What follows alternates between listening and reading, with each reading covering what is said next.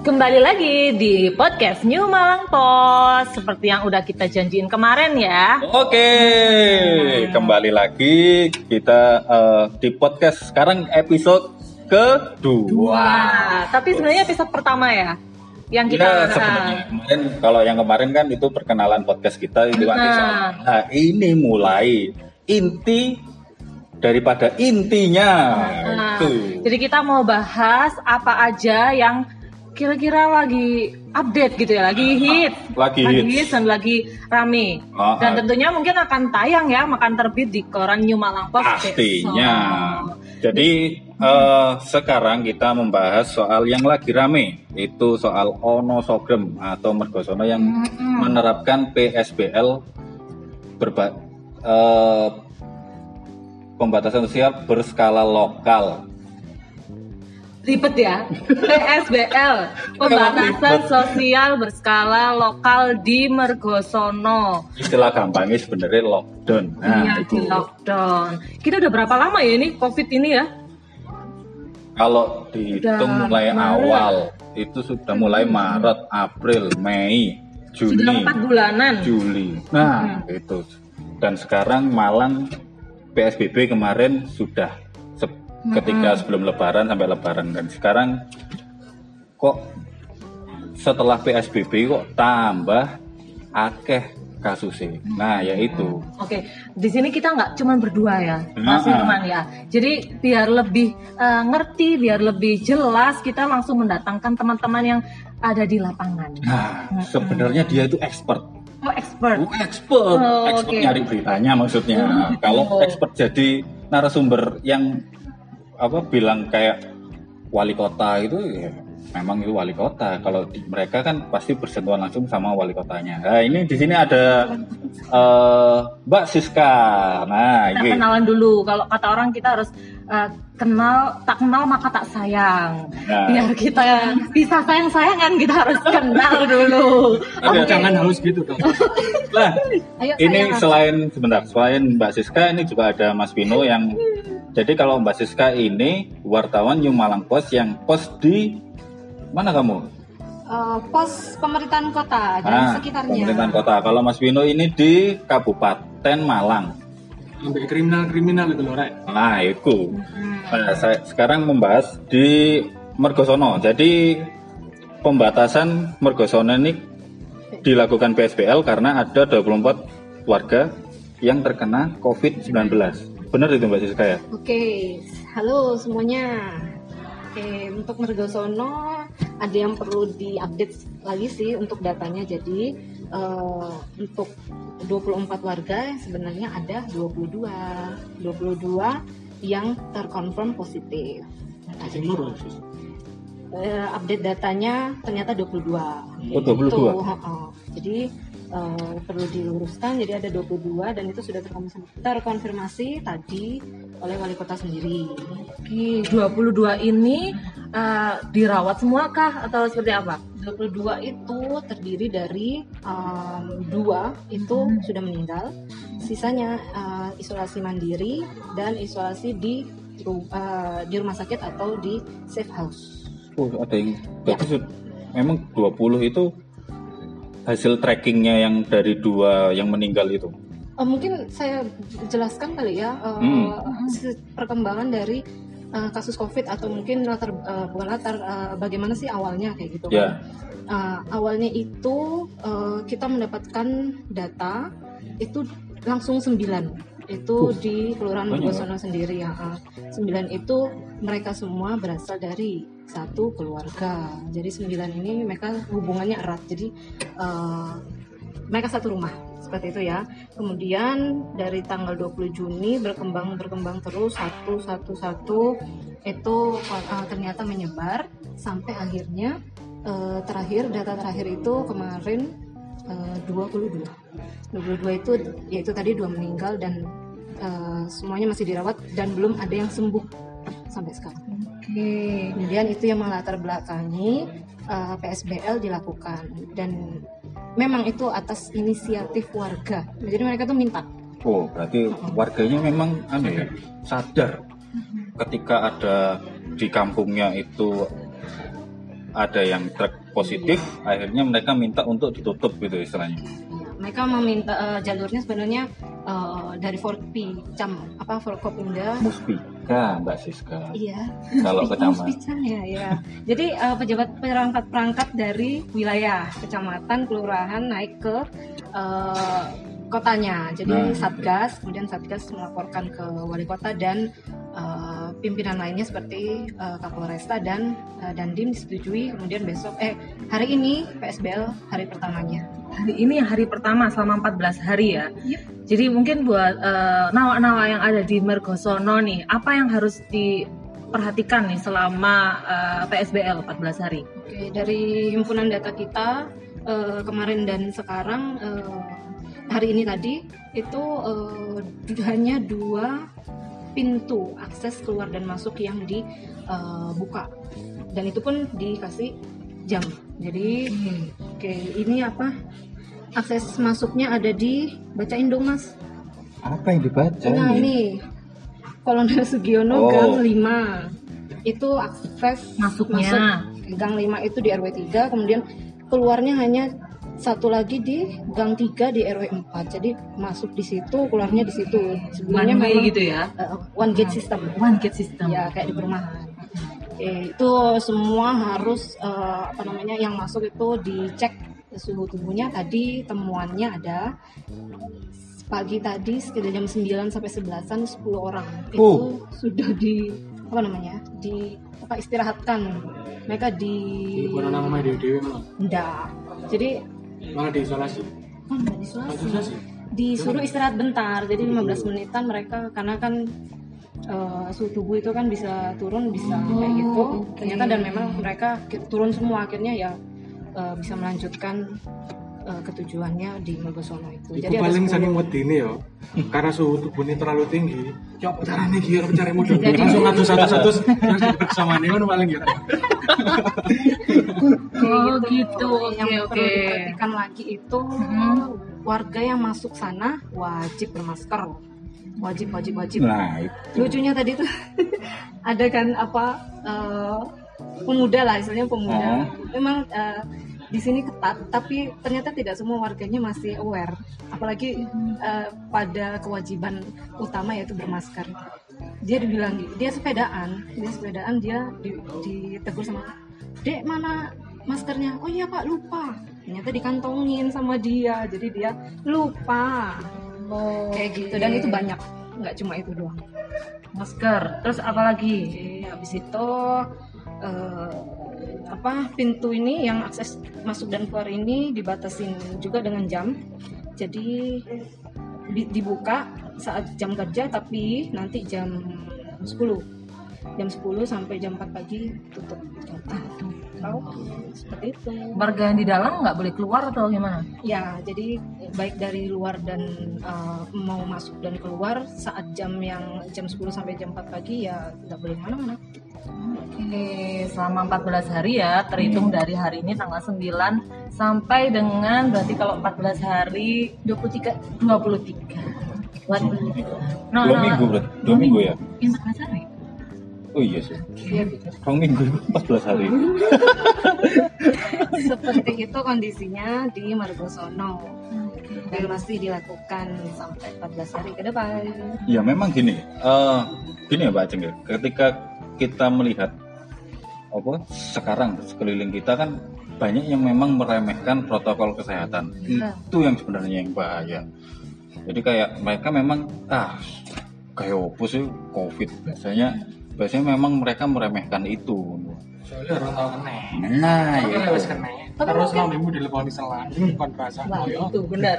Tapi sekarang emang kalau kita lihat dari beberapa daerah ya, mungkin Ya. karena udah yang terlalu lama, bang, udah empat bulan, justru ada beberapa daerah yang awalnya menutup, menutup kayak beberapa perumahan gitu, Ya. ditutup sekarang udah mulai dibuka lagi. lah ya itu sebenarnya mau mau buka mau tutup mau PSBL mau PSBB lagi yang penting kan eh, protokol kesehatan itu yang penting kayak yes kita harus ke mana-mana harus bermasker Nah, yang seperti itu dan sering-sering cuci tangan walaupun kelihatannya bersih tapi kan kita nggak tahu kuman itu kan ada di mana apa kita membawa kuman seperti itu. itu jadi catatan juga sih tadi sama karena hari ini tadi wali kota langsung meninjau Oh, wali kota langsung ke sana ya? Iya, Oh. wali kota Malang Sutiaji meninjau PSBL di hari pertama dia langsung eh, apa menegaskan kalau memang tidak ada kedisiplinan dari warga ya akan sia-sia semua apa yang dilakukan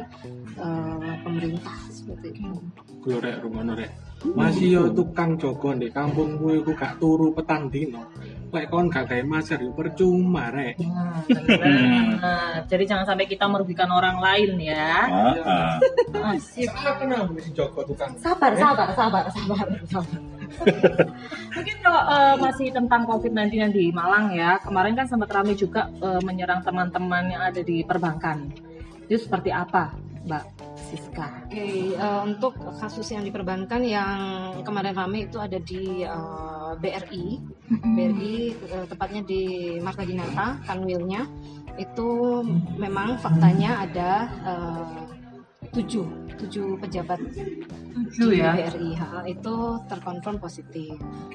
Nah, eh, setelah dari itu kemudian di tracing, tracking, eh, dan sebenarnya BRI juga BRI dan Satgas itu sudah langsung menindak dengan melakukan swab swab kepada pegawai sampai jumlahnya 200 200-an dan terakhir itu datanya eh, pegawai ini negatif yang eh, hasilnya hasilnya tapi masih ada sih sisanya yang masih belum keluar karena swab itu kan agak Agak eh, lama ya? lama ya heeh, kayak gitu dan dipastikan juga oleh tim satgas covid itu eh, pejabat yang eh, confirm positif Hmm. itu tidak eh, areal mereka beraktivitas di kantor tidak berhubungan atau tidak bersentuhan langsung dengan operasional. Operasional itu adalah pelayanan, pelayanan umum dengan nasabah seperti itu. Dan sekarang juga em, gedung itu, gedung utama itu sedang di istilahnya disterilkan sampai 10 hari ke depan.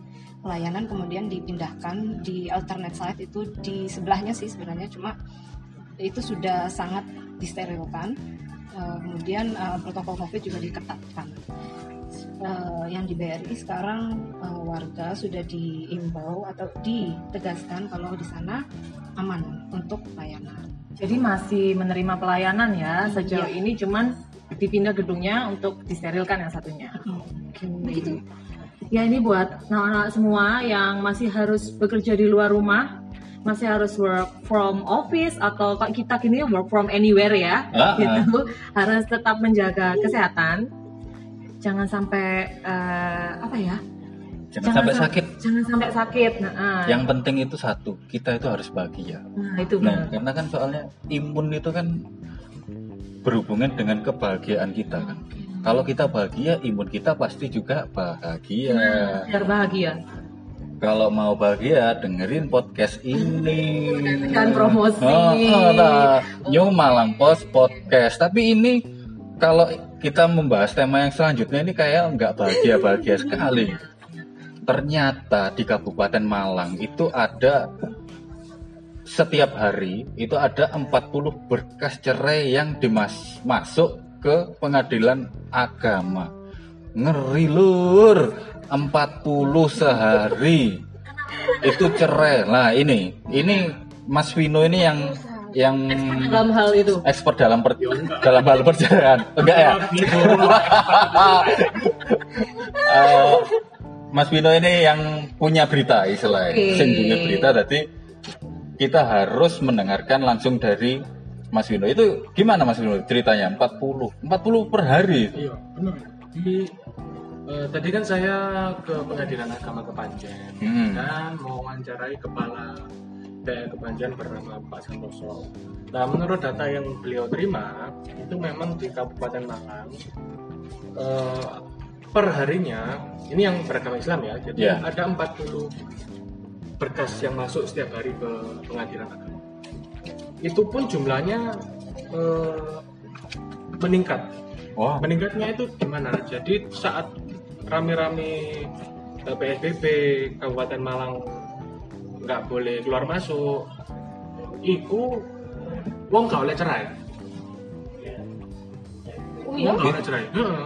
Jadi wong gak oleh cerai apa? Berkas iku gak oleh mlebu nang pengadilan. Soalnya kan ditutup kabeh. Oh, karena memang anu ya, apa kayak administrasinya berhenti. ah iya. Tapi memang nggak bisa beras. Akhirnya pas ini rame-rame PSBB, cek nol cek.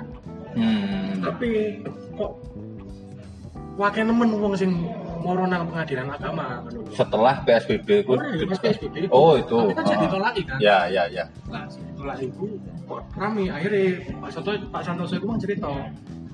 Akhirnya pengadilan agama ini membuka eh, penyerahan berkas cerai. Tapi batasannya hanya sehari cuma 10 berkas. Ah. Bertahap 10, 20, 30 sampai hari ini tadi per hari itu bisa 40 berkas. Dan itu sih ngantri wakil loh, Ren. Waduh. Berarti Kayak bikin paspor ya, harus iya. ngantri ya. berarti kan sebenarnya kan kayak Bisa misalnya lebih ya berarti 40 lebih kan sehari kan. Kalau gitu alasannya biasanya apa aja, Mas? Nah, ini tak cerita sih. Soal anu, soal apa sing petang bulu itu, Ya. gue pikir ada. Lek normal, iso luwih teko iku. Soalnya tahun 2019 wingi 2019 kemarin, Ah. itu total berkas yang masuk ke pengadilan agama. Jadi gak, gak hanya berkas cerai ya, tapi sebagian besar berkas cerai. Ya. Itu jumlahnya sampai sekitar 9.000 wow. per tahun di pengadilan agama Kepanjen saja. Belum pengadilan negeri Kepanjen, belum pengadilan apa agama Kota Malang, belum pengadilan negeri Kota Malang. Jadi jumlah orang cerai per tahun di Kabupaten Malang itu ya antara 8.000 7.000 lah. Oh, Nah, Luar ya. biasa. Dilanjutkan dengan yang tadi angka 40 tadi.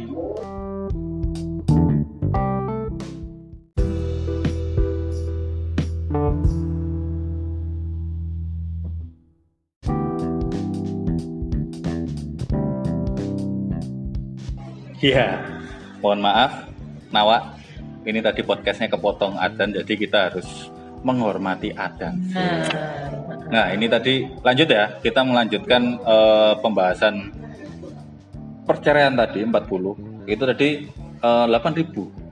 Tahun Eh. 2019. Tahun 2019 8 8.000 berkas cerai yang masuk. Hmm. Nah, lah itu terus lanjutannya gimana itu? Nah, ceritanya kepala PA Kumang Rek, per Juli 2020 itu jumlah berkas yang masuk termasuk berkas cerai itu sampai 5.200. Jadi diprediksi kalau misalnya setiap hari penuh sekali berkasnya seperti ini, Hmm. bahkan kalau nanti misalnya new normal udah berjalan dan pengadilan melayani seperti biasa, bisa-bisa di akhir tahun nanti jumlahnya itu bisa lebih banyak dari tahun 2019. oh. Wih. Alasannya? Nah, Kebanyakannya apa memang karena apa itu? Apa yang ngarani? Covid? hmm, Karena pelakor. kayak kayak drama Korea pelakor. Iya. Nah, itu. Jadi kalau ceritanya Pak Santoso tadi, eh, faktor utama bercerai di Kabupaten Malang itu sebenarnya ekonomi Malang. Oh, ekonomi. Nah, ekonomi kan akeh akeh jenisnya. Ono sing kurang, Hmm. butuhnya sak juta, butuhnya sa- satu juta per bulan, tapi cuma dikasih eh, nafkah 500 ribu misalnya, Ya. atau cuma dikasih 50 ribu misalnya. Nah, Ada juga yang ditinggal sama sekali, wih. jadi nggak tanggung jawab laki-lakinya. Apa istilahnya itu? Yes, Wis ku lari lah. lari lah kalau Oh. tanggung tanggung jawab lah ono mana sing iki apa iku lah alasan ekonomi ya Ya. lah ono alasan remeh tapi yo terjadi ya masalah cari wong jadi gara-gara WA Rek. gara-gara WA Kenapa, WA? nah ini kan musim covid Yes. akeh wong sing ndak omahe Hmm. yo kerja paling kerja di omah Hmm. lah iku WA kan yo aktif terus dong mlebu terus Hmm. Nah, kira-kira ono WA atau kok wong wedok atau dari perempuan lain nang nang HP sing lanang iki dan bojone iki gak kenal sapa arek wedok iki. Akhirnya cekcok nih kono, Jes. Teko cekcok masalah HP iki dadi cerai malah. Dan itu lumayan akeh Waduh. gara-gara itu. Jadi eh, masa pandemi ini banyak yang cerai, banyak yang hamil melahirkan juga banyak ya. Ya berbanding lurus. Kalau sing sing gorong duwe jodoh, lek pengen duwe jodoh, Panjang cerai loh. akeh sing cerai. Sopo ro? Takok wong 9000 iku ternyata ono siji jodohmu. Oh, benar. Karena jodoh itu kan di tangan Tuhan. Siapa tahu di kita tangan Covid loh. Nah, siapa tahu kita jalan-jalan ke mana, Tuhan ketemu janda-janda yang kemarin cerai yang jadi tersakiti jodoh. Siapa tahu? So hidup sakinah mawaddah warahmah kan ini gak ngerti rek. Nah, ah, benar. Jadi kalian yang masih jomblo sekarang eh, nggak apa-apa, nggak usah terlalu berkecil hati gitu ya. Ini sekalian curhat gitu ceritanya ya. Oh gitu gitu. Kok malah cerai kok dia. Ya. Oh, Oh, menarik sekali ini. menarik sekali. Jadi Nah. ini mungkin akan dibahas besok ya. Nah, besok eh, semua berita yang tadi kita bahas di podcast itu bakal terbit besok di koran New Malang Post. Jadi jangan lupa nawa tuku tuku wo koran New Malang Post. Ko asli korane arek Malang. Selain berita-berita yang tadi udah kita ceritakan ya, juga eh, besok ini ada rubrik staycation. Staycation jadi untuk eh, nawak-nawak semua yang mungkin udah bosen di rumah, pengen staycation di hotel gitu. Gitu ya ada, akan ada setiap weekendnya info-info eh, hotel atau kuliner yang bisa buat vacation staycation gitu. Untuk besok kita akan ada info dari teman-teman Ijen Suite. Jen Sweet. Kalau mau nginep di sana sekarang harganya murah banget. Makanya besok coba dibaca fasilitasnya Oh. apa aja gitu. Oke. Terus juga- kita kita nanti dapat voucher gak di sana? Lumayan lah, liburan. Nanti aku mintain ya. Oke, Ya voucher ngirim deh ngarep ngarep di hotel. di talan. Di ballroom nggaknya bisa? Kita ballroom. Ada juga ya kita setiap weekend ada edisi Sabtu sementara kita ada rubrik khusus eh, namanya rumah kita. Hmm. Jadi atau dapur redaksi behind the scene lah gitu dari eh, New Malang Post seperti apa aktivitas sehari-hari, konsep kita di kantor yang eh, rumah rasa kantor, kantor rasa rumah. Bisa eh, nawa-nawa eh, baca, nawa-nawa lihat besok di edisi New Malang Post 11 Juli. Oke. Hmm, gitu. Makanya aja lali tuku koran New Malang Post asli korane arek Malang. Mek petang ewu lima ngatus wis wakeh di Malang Raya itu. Kari pokoknya melaku ono koran deloken sing pernoe urin-urin wapi wis New Malang Post. Berarti rek kamu iku ya ngempet rokok telung lencer petang lencer lah iso tuku New Malang. Ya. Nah, iku sing penting. Oke, makasih ya Mas Vino. Oke. Terima kasih Mas Siska Vino, juga. terima kasih Mbak Siska yang sudah menghilang dari sini. Oke, eh, sampai ketemu di edisi selanjutnya di podcast New Malang Post, New Normal, New Era, New Spirit. Jangan lupa sholat maghrib.